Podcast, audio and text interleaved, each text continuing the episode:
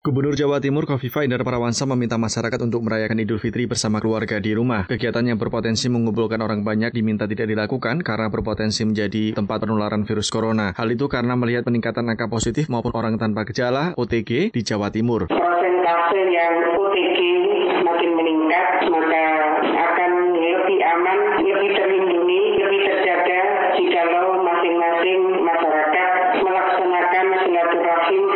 bihalal secara online. Bisa ber-WA, bisa Skype, bisa bertelepon, dan seterusnya. Kofifa mengatakan semua kabupaten dan kota di Jawa Timur saat ini telah berstatus zona merah atau terdapat kasus positif corona, sehingga perayaan Idul Fitri diharapkan tidak sampai menimbulkan kerumunan. Kofifa juga menyatakan telah meniadakan agenda open house atau silaturahim dengan warga yang selama ini biasa dilakukan.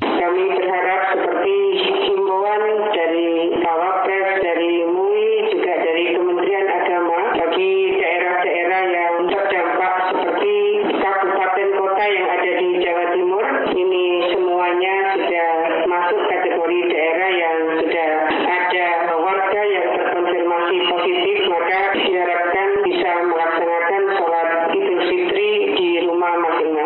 Hingga 23 Mei 2020, jumlah kasus positif corona di Jawa Timur mencapai 3.595. Jawa Timur memiliki kasus virus corona kedua terbanyak setelah DKI Jakarta. Kenaikan angka kasus positif corona di Jawa Timur justru meningkat signifikan saat diberlakukan pembatasan sosial berskala besar atau PSBB hingga tahap kedua. Santri Pondok Pesantren Ngalah Pasuruan Muhammad Alvin mengajak umat Islam untuk mengikuti imbauan pemerintah selama pandemi corona berlangsung, termasuk mematuhi protokol kesehatan dan pelaksanaan sholat Idul Fitri di rumah untuk mencegah transmisi virus corona. Apa perintah dari pemerintah harus memakai masker harus tetap dipakai sesuai dengan protokoler kesehatan. Akan tetapi di zona merah, tolong masyarakat yang notabene itu mempunyai gejala-gejala, tolong tidak usah atau mensadar diri untuk tidak melakukan sholat id di masjid. Lakukanlah di rumah. Boleh, ada dasar hukumnya. Dari Surabaya, Jawa Timur, Petrus Rizky melaporkan untuk VOA.